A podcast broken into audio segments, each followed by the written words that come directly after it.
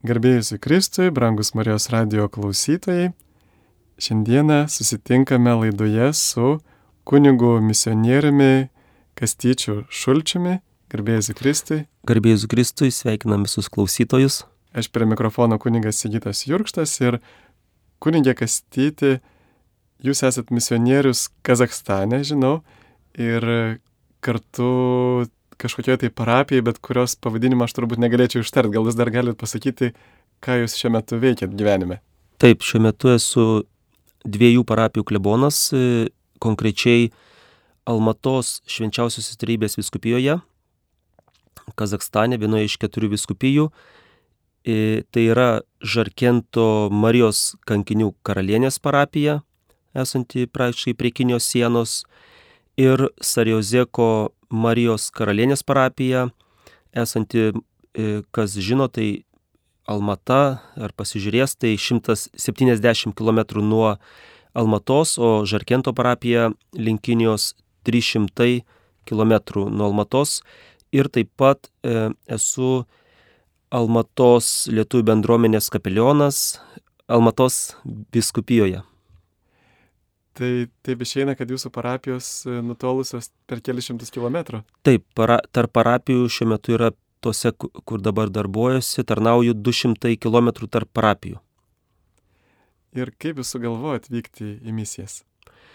Tai čia, sakykime, Dievo vaizda, taip viskas sudėliojo gražiai.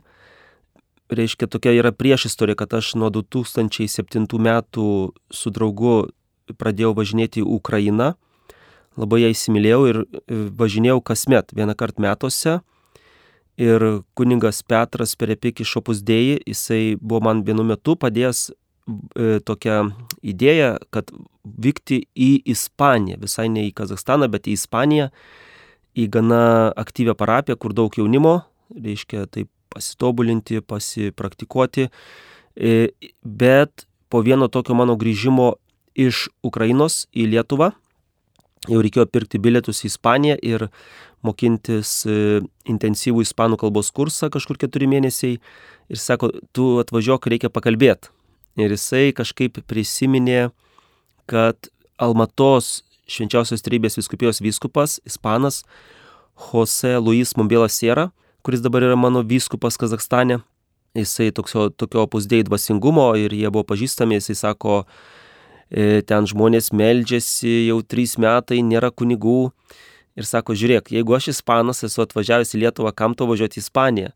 Ir jeigu tu moki rusų kalbą, kam tau mokintis ispanų? Jis matė tą gal mano tokį džiaugsmą, grįžus iš Ukrainos, kiekvieną kartą to, tos įspūdžius, kad aš toks pilnas įspūdžių pasakoju čia visiems. Ir tada sako, nu, yra tas vyskupas Jose Luis, mes susiskambinom tuo metu dar per Skype.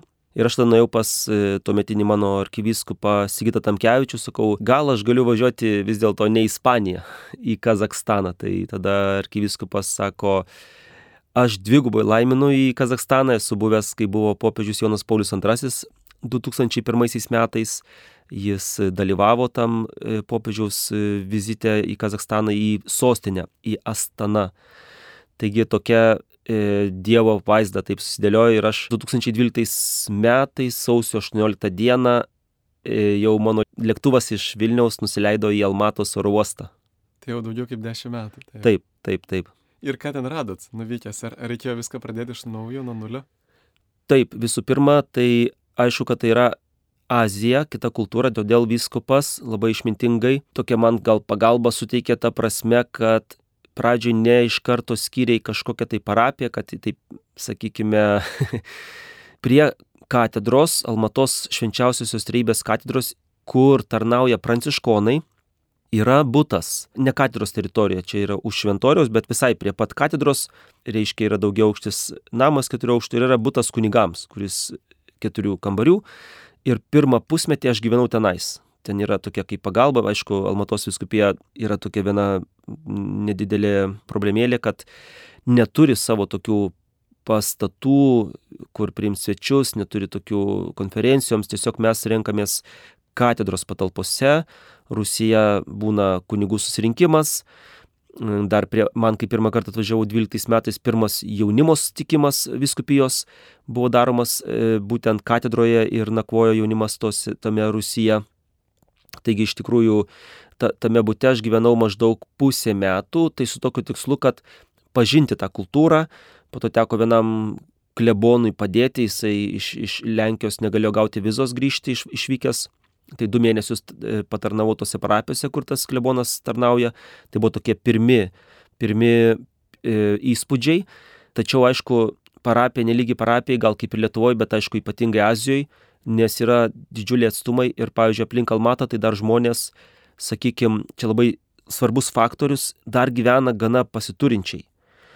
Jau šitos parapijos, kuriuose aš tarnauju, tarp tokių, sakykime, didmiešių Taldikurgano, kur yra paskutinė mūsų viskupijos parapija, arba Žarkentas tai apskaitai yra irgi riba, kur jau baigėsi ir viskupija, ir baigėsi šalis, nes prasideda Kinija, tai ten, aišku, daug e, skurdžiau žmonės gyvena ir dėl to truputį kitas pobūdis, e, tenais daugiau karitatyvinės reikia veiklos, o čia aplink Kalmatą tai aišku buvo tokia daugiau pasturacinė.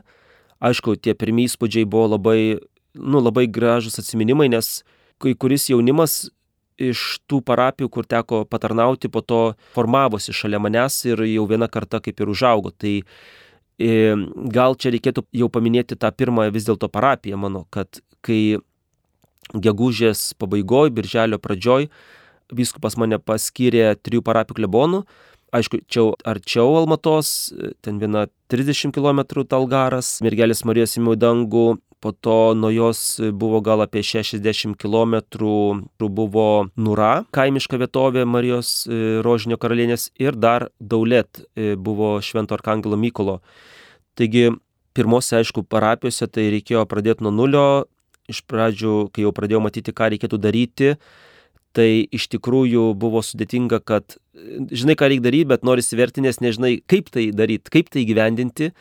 Ir aišku, didelis skirtumas dėl pačios bažnytinės struktūros, nes jeigu čia mes Lietuvoje maždaug žinom tas gairės, tą, tas užduotis, tuos planus metinius pastoracinius ir mes kunigai, čia vikarai, klebonai, maždaug vadovaujamės tuom, o ten atvykus iš tikrųjų aš savo keliau klausimus, nes tokių gairių kaip ir nebuvo. Kilo aišku automatiškai savaime klausimai, ką čia mes darom, ko mes čia siekiam, koks yra tikslas. Tai pirmi mano tokie, aišku, darbai buvo būtiniai, pradėjau kasti tranšėjas, ieškoti darbininkų, po to gavau patarimų iš parapiečių, kad reikia samdyti uzbekus, jie, jie gerai dirba, ne, ne kazahus, bet uzbekus. Tai iš tikrųjų tokie buvo fiziniai darbai, aišku, aš rašiausi jau žiemai, žinau, kad žiemą ten užšala vanduo ir taip toliau, taip toliau, tai tokie būtiniai. Tai aišku, iš tikrųjų pirmie įspūdžiai taip. Aš va dabar kaip tik ką tik grįžau iš Lenkijos, apsipirkti buvau šalia, šalia Varšuvos, tai e, nakvojau E, tokiame misijų formacijų centre Varšuvoje. Tai aišku, aš galiu taip, sakykime, baltai pavydėti, šventai pavydėti, kad kai kurie misionieriai ruošiasi 9 mėnesius ir šiuo metu taip pat iš 15 besiruošiančių vykti į misijas e, tame Varšuvos e, misijų formavimo centre. Vienas kunigas ruošiasi į Kazakstaną vykti, bet į Astanos arkiviskupiją. Tai aišku, jie 9 mėnesius studijuoja tos šalies kultūrą, kalbą, e, nu, tiesiog ta, gal tą misijų meną, tai iš tikrųjų, aišku, nu, su tokiu šventu pavydu gal tik gali, kai kurie turi tą formaciją tapti misionieriais. Tai aš mokinausi vietoje. O ar reikalinga ten katalikų bažnyčia Rusijoje, na, Kazakstane, toj buvusiai Sovietų sąjungoje, kur tokia gili yra turbūt ir ortodoksų ten bažnyčios tradicija, ar ten Kazakstane dar yra ir gal iš seniau misionierių likusių misijų kurtų? Čia greičiausiai yra atsakymas, kad katalikų bažnyčia labai senai, čia jau dar pirmam tūkstantmetyje po Kristaus, jau šimtmečiais vykdė misijas ir tai buvo ta kryptis Azija. Azijos kryptis, aišku, tai yra Šiaurės Kazakstanas labai arti Rusija, pats Kazakstanas, aišku, gal klausytojams reikėtų paaiškinti labai svarbų momentą, arba atvykstantiems, kurie atvykstai daug kas e, neturi omenyje, kokie yra atstumai ir kiek mes keliaudami ar važiuodami iš taško į tašką, kiek mes turime turi, e, paskaičiuoti laiką, kiek mes dienoje praleisime laiko kelyje. Vėlgi tarp viskupijų yra didžiuliai atstumai, tarp parapijų, tarkim, yra didžiuliai atstumai. Ir kaip pavyzdį, aišku, tas, kas aktualu dabar, pasakysiu, kad tos mano dvi parapijos, kur jau prasidėjo šešti metai kaip e, klebonas, anksčiau buvo keturios, trys, dabar dvi, ačiū Dievui, nes labai labai didžiuliai atstumai, pagrindė gal dėl atstumų, nu, tiesiog pakoregavo, kad kažkur arčiau gyvenantis kunigai aptarnautų, pavyzdžiui, iš to būto, E, kunigams dabar Pietų Korejos kunigas misionierius tapo Kaskelėno parapijos, kur man dar prieš metus turėjau klebonų, nes jam tikrai daug arčiau išbūto važiuoti negu man jau iš parapijos. Taigi e, visai neseniai viskupas paskirstė teritoriją ir, pavyzdžiui, mano Žarkento ir Sarezeko e, teritorijos yra Žarkento keturi rajonai ir Sarezeko du rajonai, tai būtų ko gero Lietuvos dydžio teritorija jeigu ne didesnė. Tai vad, kad suprastų klausytojas. Tai aptarnaujama zona. Taip, taip, taip, ta aptarnaujama zona, kad jau galų galėčiau Dievui, kad irgi vėliau, aišku, tas buvo padaryta, nes atsirado Almatos mieste, kuris yra didžiulis, kur yra mūsų viskupijos centras, kur yra kurija, katedra, atsirado nauja parapija Švento Juozapo, buvo nupirktos vėlgi patalpos, tada atsirado poreikis paskirstyti tą teritoriją nes nebuvo suskirstyta, nebuvo aišku, kur yra teritorijos ribos. Tai suprantate, kad ta evoliucija, jinai labai lietai vyksta Azijoje, žingsnis po žingsnio ta struktūrizacija vyksta, dėl to, aišku, tikrai dideli atstumai, nu, tiesiog, kad klausytas įsivaizduotų, kad tai yra dideli atstumai, o misijos vykdomos yra labai senai ir yra ir trečio amžiaus e, pėtsakai krikščionybės, yra taip pat nestorijonų, nestorijonų baž, e, bažnyčios pėtsakai, pavyzdžiui, mūsų viskupijos, Almatos viskupijos teritorijoje, Tarazo, Tarazo parapija, 500 km nuo Almatos, yra penkto amžiaus, pavyzdžiui, penkto amžiaus e, nestatinys, bet ko gero pamatai, dalis statinio, tai yra nestorijonų bažnyčios likučiai. Tai įsivaizduokit, tai yra penktas amžius. Vėlgi po to yra iškasinėjami to, iš, iškasenos, kasinėjama, tai randami akmenys su Nestorijonų kryžiumi. Ir čia vėlgi turėčiau paminėti tai, kas aktu, aktualu šiuo metu ir klausytojui, ir, ir man kaip klebonui, kad visiškai arti Žarkento parapijos, kur yra prie Kinijos sienos už 6 km yra toksai kaimas Učaral, kur vienas mokytas rado, nu, kažkaip aptiko akmenį, ant kurio buvo Nestorijonų kryžius, jisai tokių lygių formų, ne, yra, reiškia, yra tolygus kryžius. Ir tas akmuo ganėtinai buvo įtartinai didelis, nu, tarsi būtų tai paminklas. Ir ačiū Dievui, kad buvo pradėti kasinėjimai archeologiniai ir buvo aptikta, vieni, šiuo, šiuo metu sakoma, kad yra vienintelės Kazakstano teritorijoje kasinėjimos krikščioniškos kapinės. Tai yra, sako, kad nestorijonų bendruomenės, kur yra, aišku, kur yra kunigo kapas, taip toliau, taip toliau. Taigi tie kasinėjimai yra toliau vykdomi ir tai, tai rodo, kad šilko keliu, šilko keliu, tas vadinamas šilko kelias, kur perkinėjo prekyba, tai ir misionieriai ėjo į šitas žemės, kai dar nebuvo suskirstyta teritorija, ne kad tai buvo tokios Azijos e, šalis ir tiesiog nešė Evangeliją. Ir dėl to čia ką tik tai jums rodžiau tą paveikslėlį, kur yra tie kankiniai, kad 1339 metai viduramžių Almaliko miestas, dabar jau Kinijos teritorija, atvyksta pristatomas vietiniai valdžiai, tai yra tiems e, hanams, e, nes buvo ta aukso orda jie tas žemės jau užvaldė, nors tai buvo kanoninės e, teritorijos, katalikų bažnyčios tai buvo įkurtos viskupijos, gana didelės, labai didžiulios teritorijos.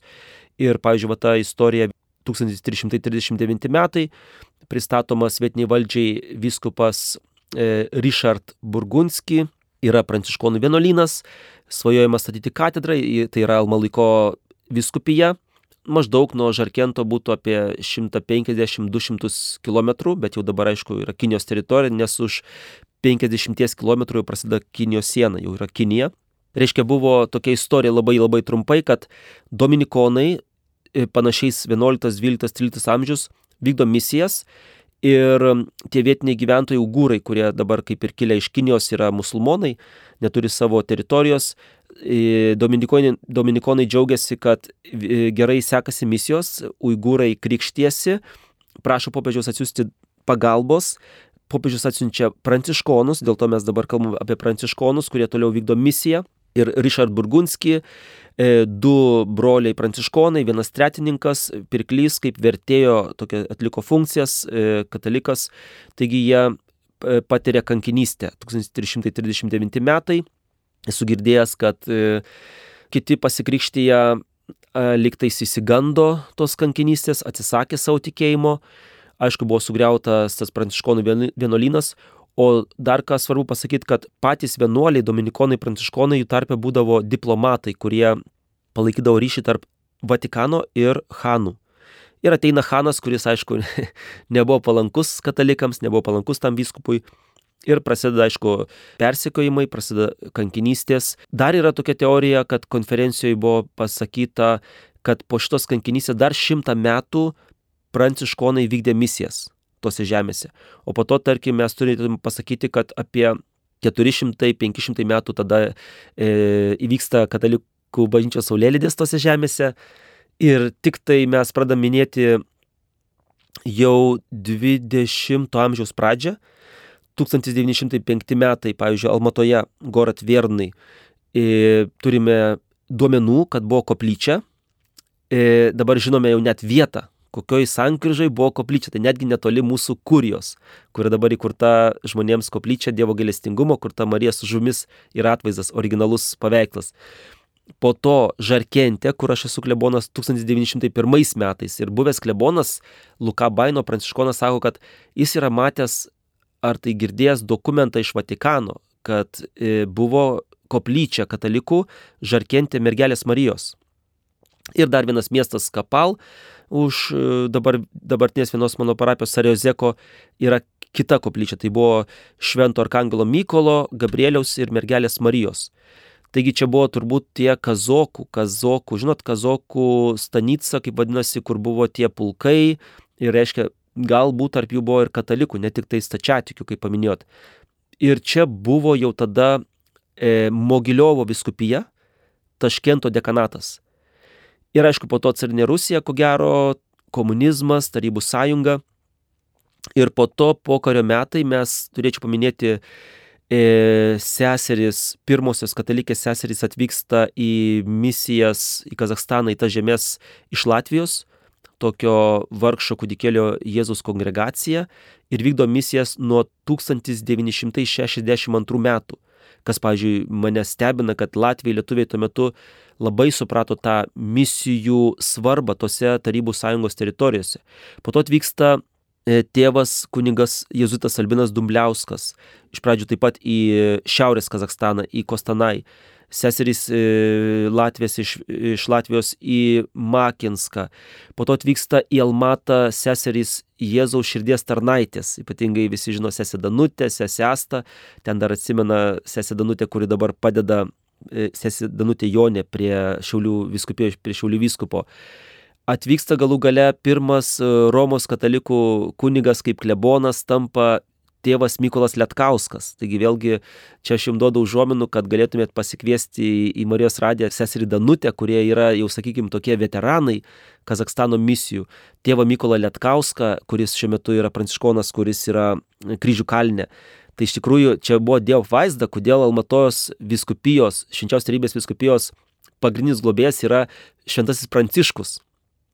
Todėl, kad e, e, pirmas e, Romos katalikų kuningas atvyksta prieš tai jau darbavęsis Tadžikistane, tėvas Mykolas Lietkauskas. Ir jie darbuojasi iki nuo 1985 metų, tėvas Mykolas Lietkauskas iki 93 metų, kai, kai sesutės Jėzų širdies tarnaitės baigė misiją Almatoje ir jas pakeitė į Slovakijos, bet jisai man pasakojo, taip, nu, neilgai trumpai, kai buvau sutikęs, kad jisai galvojo grįžti į misijas bet kadangi suprantate visi, kad buvo nepriklausomybė ir jau jo neišleido, sako, čia reikia darbuotis.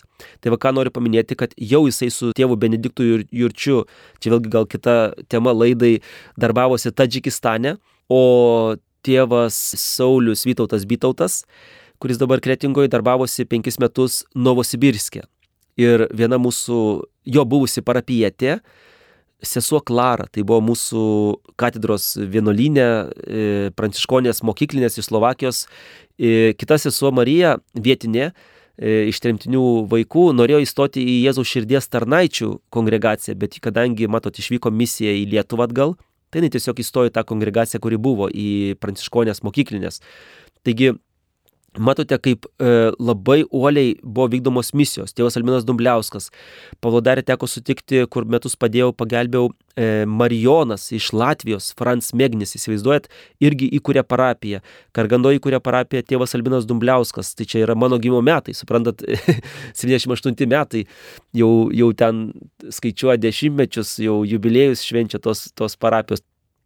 Tai kaip suprantu, Lietuvų ir Latvijų ten yra nemažai įkurta bendruomenių parapijų, ar ne? Taip, taip. Ir dabar paimkime vėlgi e, kaip pavyzdį popiežiaus vizitą. Popiežiaus pranciškaus vizitą visai dar šviežut, šviežutėlį praeitų metų rugsėjo mėnesį, reiškia 22 metų į Astaną atvyksta jau prie naujo Kazakstano prezidento Tokajevo. E, vėlgi prieš atvykstant popiežiui į Kazakstaną įkūriama Centrinės Azijos viskupų konferencija. Mūsų Almatos viskupas tampa pirmoju istoriškai tuo Centrinės Azijos viskupų konferencijos pirmininku. Tai yra šalis, kurios yra aplink Kazakstaną.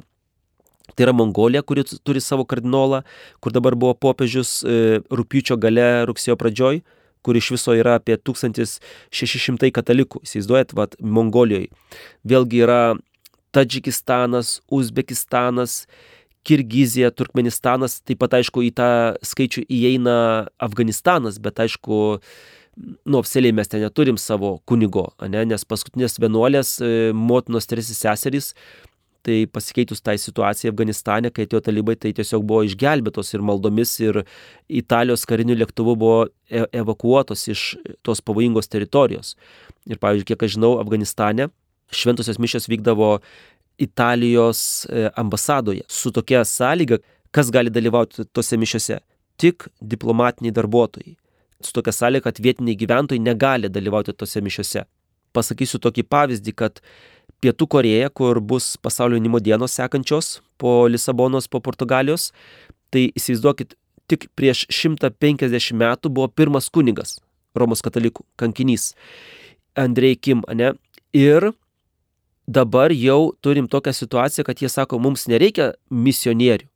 Jau jie yra misionieriai. Matot, misijų tikslas. Dabar mūsų viskupijų Almatos yra jau trys kunigai iš Pietų Korejos ir dvi ar trys e, sesučių vienuolių bendruomenės iš Pietų Korejos. Taip pat katedroje vykdo iš Pietų Korejos brolis e, Diego, labai seniai turi įkūręs ambulatoriją, kur gydo nemokamai, kur yra valgykla vargšams, vėlgi keturis kartus, man atrodo, per savaitę. Taigi Pietų Koreja kaip pavyzdys, ne, kad Azijos šalis ko gero yra e, jaučiamas didelis pakilimas. Ir, pavyzdžiui, netgi ir mūsų tokia viskupija, Almatos viskupija, kuri Kazakstano pietuose, kur yra daug musulmonų, kur mes gyvenam tarp mečečių, įsivaizduokit, e, mes šiandien gal, galiu jau pasigirti, kur turbūt e, ir klausytojai meldėsi, kai sakydavau, kad mes vienintelė iš keturių viskupijų, kurie neturime savo kunigo vietinio nes misijų tikslas yra, kad mus pakeistų vietiniai kunigai, vietiniai viskupai. Taigi viskupus iš kitų šalių pakeistų vietiniai viskupai, e, mūsų kunigus iš e, kitų šalių pakeistų vietiniai kunigai ir tada mes turbūt važiuotume į kitą šalį vykdyti misijas. Taigi, pavyzdžiui, dabar jau Karagandos kunigų seminarija, kurio visai Centrinėje Azijai turi vietinį kunigą vietinį kunigą, kurio mamytė yra e, greičiausiai Kazachė, o tėtis yra vokietis, nes jo yra vokiška pavardė ir jisai turi tų azietiškų veido bruožų. Tarkim, mes jau dabar galiu pasigirti, turime tris kandidatus į, į kunigus. Jau vienas yra Sankt Peterburgė baiginėje, gal ten du ar trys metai liko iki kunigystės, kitas baiginėja Karagandos e, kunigų seminariją ir vienas įstojo dabar tik tai rugsėjo mėnesį. Taigi mes turim tokią viltį, kad, kaip sakoma, tokie vaisiai, reiškia, turbūt tų misionierių, kurie darbavosi, ne, tokie vaisiai, kad mes dabar jau e, skinam tos vaisius. Mėly Marijos radio klausytojai, šioje laidoje girdite kunigo Kastyčio Šulčiaus pasakojimą apie misijas Kazakstane, lietuvių misijas Kazakstane. Prie mikrofono aš kunigas Sigitas Jurkštas. O papasakokite daugiau apie savo parapijas, kurių selovada užsiimate, kokie iššūkiai kokie ten žmonės ateina, ar seniai, ar jauni, ar daugiau, ar mažai? Taip, dabar turiu dvi parapijas, e, esu, tenais esu paskirtas prieš penketą metų, tai galėčiau kaip pavyzdį e, taip tiesiog pademonstruoti, kad suprastumėt, kas tos misijos ir kaip, kokia situacija mano parapijose. Ir šiek tiek po to apie kitą parapiją, kur yra prie Kinijos sienos Žarkento Marijos kankinių karinės parapija, bet aišku, gal reikėtų pradėti nuo jos. Tai pasakysiu, kad vienas kunigas iš Amerikos, misionierius, e, tėvas Raimondas, Raimond John Conard, atvyko turbūt 90-ųjų metų pabaigoje. Ir atvyko, aš gaila, kad vyresniam amžiuje, nu, praškai senukas. Senukas, bet jis sakydavo, aš labai jaunas ir tikrai buvo labai energingas, tik, tik, tikrai pralenktų šimtą gal jaunų kunigų, kurie gal aptinksta arba pavarksta. Tai iš tikrųjų jisai norėjo įkurti Žarkentę kažkadaise tokią kaip labdaros organizaciją, karito organizaciją. E, išsinomavo žemę, sodino kukurūzus, gal dar kažkokias kitas, bet aišku, tas peraugo į parapiją, į parapijos veiklą, jis nupirko vaikų darželį, e, kiek žinau, už 5000 dolerių tuo metu, aišku, tai yra didžiuliai pinigai tuo metu. Ir ten žinau, kad buvo savartynas, buvo kažkokios tai šiukšlės chemija, tai jisai padarė pilnai 100 procentų kapitalinį remontą. Tai buvo didelės patalpos, didelė teritorija, buvo apie 15 ar 18 kambarių svečiams, jis pas tenais gyveno, buvo koplyčia, buvo biblioteka, buvo krepšinio aikštelė, buvo tos trinkelės, buvo sodas, augalai ir buvo taip pat dirbtuvės, kur buvo staklės medžių daryti. Tai žinau, kad, pavyzdžiui, kaip pavyzdys, nu, aišku, Amerika tai ne Lietuva. Jis vasarą važiuodavo taip pat, kaip ir aš, e, du kartus aš važiuoju per metus, bet į Lietuvą ar į Europą, Europos šalis, jisai važiuodavo į Ameriką visą vasarą, pakeisdavo kiti kunigai. Tai jis, aišku, kalbėdavo apie misijas, ko gero atsiveždavo aukų ir netgi atsiųsdavo 9 tonų konteinerį su labdarais, įsivaizduojat, ir visiems dalindavo, nežiūrint į tikėjimą. Taigi jisai samdydavo darbuotojus už atlyginimą. Na, nu, aišku, kai kurie iš tų darbuotojų tapo katalikais. Pavyzdžiui, vienas e, stalius, e, nu, ta idėja buvo, kad jie patys pasidarytų baldus tai parapijai, bet gal ateity ir, e, kad iš tų baldų, jeigu juos parduodant, galima karitatyviniai ar parapijos veiklai surinkti lėšų. Ir, pavyzdžiui, vienas stalius, ten daugelis žarkentė yra tokių stačiatikiškų šaknų, e, rusų, slavų kilmės Jisai sako, ai, užeisiu tas mišes, pasižiūrėsiu, kas tos mišios. Po to jis atsivedėjo vaikus. Po to tik tai paskutinė mama atėjo, jo žmona atėjo. Ir aišku, kaip taisyklė, tokios pasiekmes e, arba vaisiai, jie priėmė santokos sakramentą. Pasikrikštėjo, priėmė santokos sakramentą, dar kelios poros, ten, tarkim, žinau, kad šeimininkė, kuri dirbo ir kaip e, gamino valgyti, ir tvarkė, ir sodą prižiūrėjo, daržą prižiūrėjo.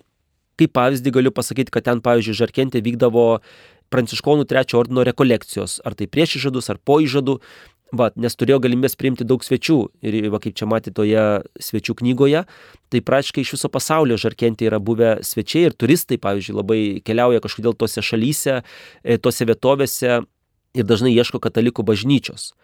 Ir tėvas Raimondas taip pat buvo nupirkęs ir dvi laiptinės būtų, penkia aukštė buvo padaryta vienoje laiptiniai, jau remontai, jis jau antra buvo pradėta. Jisai norėjo įkurti tokį kaip e, arba senelių prieglaudą, arba rehabilitacijos centrą. Ir vėlgi ta visa įranga buvo atsiusta iš Amerikos.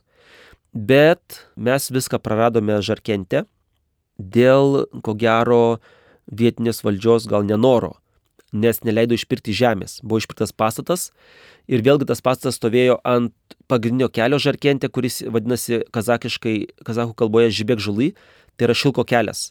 Tai vėlgi tai yra vietovės, kur buvo vis dėlto ne tik tai priekyba vykdoma, bet ir evangelija nešama. Taigi 11 metų mes buvom be pastato. Tai ką reiškia? Reiškia, kad mes melsdomės tikinčių namuose, katalikų namuose. Ir po to, ačiū Dievui, e, vyskupui palaiminus, ieškojau namo, labai ilgai buvo ieškoma, nes, pavyzdžiui, Kazakstane pirkti namą, teritoriją, sklypą parapijai reikia, kad nebūtų, nu, oficialiai greičiausiai 500 metrų ar, arčiau darželio, mokyklos, e, valstybinio pastato savivaldybių, seniūnyjų, ligoninių. Tai kadangi Žarkientas yra apie 46 tūkstančiai gyventojų ir apie 10 mečečių, tai, tai buvo labai sunku padaryti. Nes visur, visur mokyklos, visur darželiai, tai aš kar suprasdavau, kad gal ir nebloga vieta, gal ir neblogas namas, bet mums neduos leidimo niekas, nei statyti koplyčiai, nei užsimti veiklai, bus labai daug problemų. Tai iš tikrųjų yra tokie gana griežti įstatymai. Ir vėlgi, kad nebūtų, kaip viskas pasakė, šalia mečetė, nebūtų šalia stačiatikių bažnyčia, nes buvo irgi konfliktų su stačiatikių kunigu, kuris apkaltino tėvą Raimondą, kad jisai labdarą dalina tai visiems, kad kaip ir, nu, kaip ir nori pritraukti, ne, parapiečius savo, nu tiesiog tokių visokių konfliktų. Tai e, vyko metus, ko gero, mano paieškos ir dar metus vyko e, dokumentų rašymas. Tai turbūt klausytojas supranta, kaip Azijoje viskas vyksta lietai tai iš tikrųjų pavyko nupirkti namą iš uigūrų, iš e, musulmonų. Ta pusė kelio yra uigūrai. Praeitais metais, gegužės 22 dieną, viskupas paukojo pirmas mišes tame pastate, Žarkentė, kur mes 11 metų neturėjom namo, o šiais metais, čia visai neseniai, prieš mano atvykimą į Lietuvą, jau aukojo mišes po kapitalinio remonto vidaus. O pradėjome viduje melstis tose patalpose naujose, tai nuo verbų sekmadienio. Jau e, turim patalpas žarkente ir dabar apie Sariozeką. Sariozekė prieš penkis metus aš radau faktiškai du katalikus. Tai buvo dar tėvo Raimondo taip pat už 500 dolerių nupirktas namukas, sklypukas, sklypas ir ten gyveno moteris ir vyras, uh, Liena ir Jūra, kurie buvo tikrai katalikai po to, po kažkurio laiko ten iš tikrųjų mums buvo ankšta, tas kambariukas, kur, iš kurio buvo padaryta koplytėlė, tikrai jau nebūdavo kom kvepuoti ir, ir tikrai mes ją pilnai užpildydavom. Tada viskupas sako, reikėtų išeiti naujas, į naują lygį ir ar tu negalėtum ieškoti namo, sklypo. Ir vėlgi, ką aš padariau, aš, čia buvo stebuklas, čia buvo stebuklas, kad Sariozekė vieną rytą aš pasižiūrėjau, kuria parašyta pradam dom, ne, parduodu namą ant vartų. Nes Kazastane kažkaip žmonės gyvena ir jie vos ne kas antras namas, jie parduoda namą. Jie gyvena, bet jie kažkur nori visi išvažiuoti. Ar tai geresnė vieta, ar tai čia, arčiau didmečio, kur yra darbas ir taip toliau, taip toliau. Taigi įsivaizduokit, aš pastebėjau tris namus, aplankiau vieną, antrą, trečią ir trečias buvo sėkmingas. Tai buvo e, chirurgo skyriaus vedėjo to Sarizikė šiuo metu gyvena 12 tūkstančių gyventojų pagal, pagal Kazakstaną tai yra kaimo, nu, kaim, kaimo vietovė, kaimas, Sarizeko kaimas. Ten buvo, to namo šeimininkai buvo korejiečiai, gal vienintelė šeima Sariozekė. Ir taip pat, ko gero, jie buvo stačiatikiai. Ir mirus vyrui, tam chirurgui, e, labai geram chirurgui, skirius vedėjui, jinai pradėjo pardavimą to namo. Kodėl aš sakau, buvo sėkmingas namas? Ir įsivaizduokit, vieną rytą ir trečias namas ir jau tinka. Dėl to, kad buvo aukštos lubos, buvo jų pačių statyta, buvo su, e, kambarių ir koridoriaus sujungimas buvo arkos ir aš buvau viduje taip nustebęs, kad tai yra labai tinkama. Taip, kad, kad bus iš to kambario, jau matau koplyčią, iš to kambario zakristiją ir taip toliau ir taip toliau. Taigi mes perėjom jau prieš tris metus, rugsėjo mėnesį buvo trys metai, kai mes melžiamės Sariozekė naujam name. Bet kas atsitiko, tai dar Dievo apvaizda man davė dar vieną kataliką. Ta šeima, kuri pardavė namą, ta našlė, Lydija Nikolaevna, sako, mūsų šeimos draugas Leonidas Dedeliocha klausė, ar aš kartais ne iš Pabaltijo. Nusakau, aš iš Lietuvos. Jis sako, jisai irgi turi lietuviškų šaknų, jo mamytė lietuvė ir taip toliau, taip toliau. Tai, tai reiškia, radau faktiškai tris katalikus, jis buvo netgi krikštas Lietuvoje, Kužiuose, Šiaulių rajone. Va, ir yra jo mamytė, dar lankiau, spėjau po pandemijos aplankyti, pasveikinti su 90-mečiu. Nuo sunaus e, Dedeliocha, nuo Leonido ir nuo manęs, seserį irgi, kur, kur lietuviškai mes bendravom, įsivaizduojat, kurie yra gyvenę toje parapijoje, Sariozekė, ta mamytė. Va, tai tiesiog e, nuo dviejų, trijų katalikų prieš penkis metus, šiandien mes turim e, 17. Toksai rezultatas, bet pati bendruomenė, kadangi mes neturim stačiatikių bažnyčios Ariozekė, sakykime, nėra tokios konkurencijos. Yra trečia pastatyta mečetė, kaip aš, kiek aš suprantu, nesu girdėjęs, kad būtų kita krikščionių bendruomenė Sariozekė. Tai kad jūs suprastumėt, e, iš 12 tūkstančių gyventojų, mano duomenimis, yra tik tai apie tūkstantis, gal nepilnas tūkstantis slavų kilmės. O vat jūs dar taip pat stebite ir tenais gyvenančią musulmonų kultūrą, elgesį, kaip galėtumėt palyginti situaciją jūsų su mūsų katalikų situacija? Taip, čia dabar yra toksai man šiek tiek uh, skaudus momentas, uh, neraminantis momentas. Čia tiesiog savaime teko stebėti musulmonų kultūrą ir stebėti, kaip jie išneša į viešąjį gyvenimą savo tikėjimą, savo religiją. Tai vėlgi yra valstybės reguliuojama visos konfesijos ir mūsų, ir katalikų, bet aišku, čia turbūt mes kaip europiečiai suprantam dėl to radikalumo, kad, kad netaptų tos musulmoniškos bendruomenės radikalios, ekstremalios, kad neprasidėtų te teroristiniai aktai, dėl to ir spets tarnybos kontroliuoja, ateina į mečetės, klausosi, ar ne, nėra propagandos ekstremizmo, terorizmo ir taip toliau. Tai čia ačiū Dievui, aišku, ačiū Dievui. Bet tiesiog jie yra labai tokie ramus, e, draugiški, bet ką teko pastebėti, pavyzdžiui, važiuoji degaliniai, užeini į degalinę, yra maldos kambariukas. Reiškia, žmogus nori pasimelsti, kad jam būtų patogu, pavyzdžiui, žiemą, jam atėjo, net ir pasauliečiams, musulmonams atėjo laikas melstis namas, kaip jie sako, skaityti namas. Ir net ir degalinėse yra, ne tik orostuose, bet ir degalinėse yra. Taip, jie, jie meldžiasi penkis kartus per dieną ir ten yra konkretus laikas, ne? Degalinėse, po to valgyklose, daug yra Turkijos atstovų, kurie įkūrė tą valgyklų tinklus, tai iš karto matosi, gali pastebėti, kad tos valgyklos yra susijęs su islamo kultūra. Taip pat yra maldos kambariukai ir jeigu jau kartais pastebi, kad tie televizoriai, kur dieną skamba muzika, vakare pradeda eiti, pavyzdžiui, aš esu tą pats matęs ir, ir stebėjęs, esu liudininkas, pradeda eiti, aš kaip suprantu, Korano, Korano tekstai. Ir Taip pat, taip pat, aišku, tos valyklos dirba 24 valandas ir vėlgi tai yra specifika islamo kultūros, kur jie vėlai ateina valgyti, naktį valgo. Tai iš tikrųjų, vėlgi, nepaslaptis, važiuoji, važiuoji, žiūri vairuotojas, ar sunkvežimio, ar nesunkvežimio, jam atėjo laikas melstis, nu, ko gero, tai ne žiemos metu. Jisai sustoja, palieka kelkraštyje automobilį pasisėta savo kilimėlį ir meldžiasi. Susiranda kur rytai, jam atėjo mel, laikas melsis, jisai meldžiasi. Aišku, tai yra ir e, telefone tam tikros programėlės, kur pradeda imamas kažkokios tai mečetės gėdoti tą, tą namas. Po to, ką dar galėčiau pasakyti.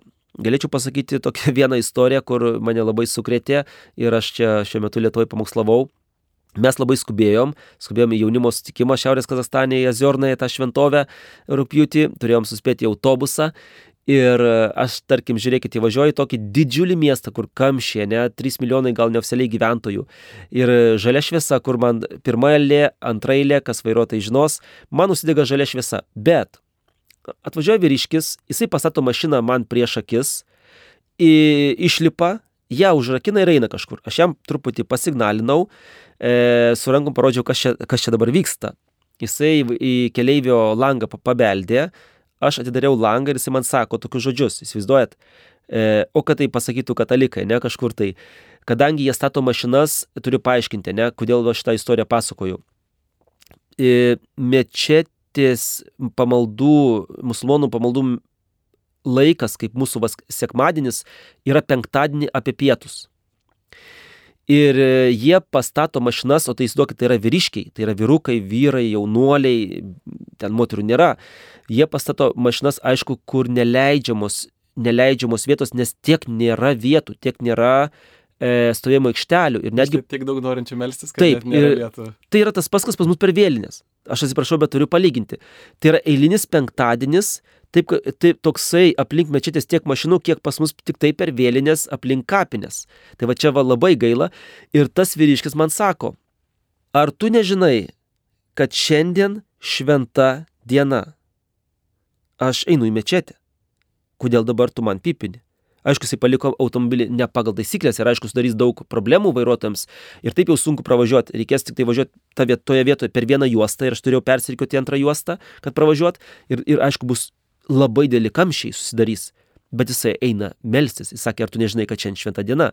Tai nepaslaptis, kad ir Anglijoje, kas dirba, turbūt žino, kad jo kolegos musulmonai, pavyzdžiui, iš kokio nors restorano ar iš kur, kur dirba, atėjo jam diena, e, laikas melsis, jį dar, darbdaviai išleidžia, išleidžia į mečetę.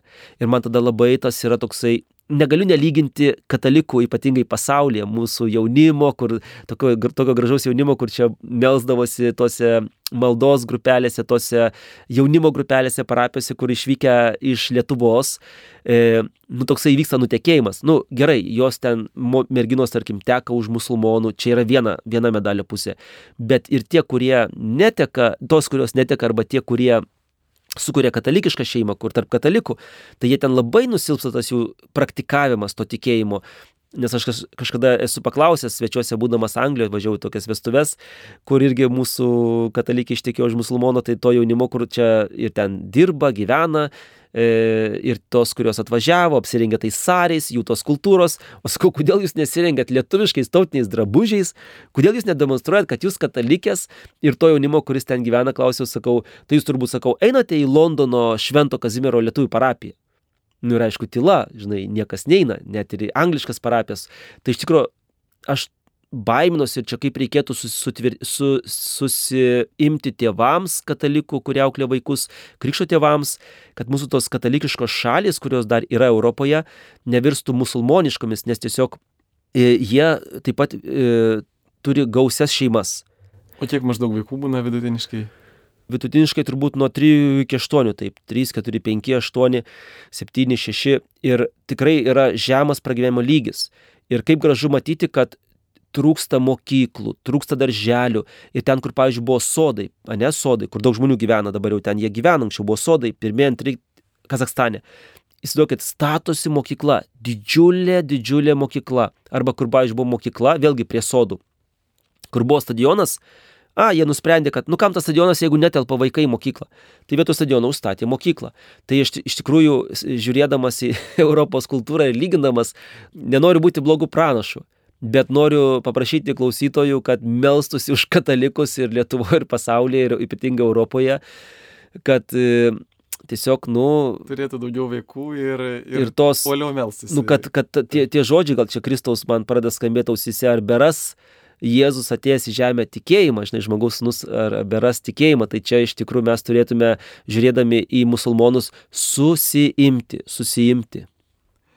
Tai labai dėkojame kunigui Kastyčiui Šulčiai, kuris dabar yra misionierius Kazakstane, šiandien pasakojo apie savo misijas, apie tai, kaip ten žmonės gyvena.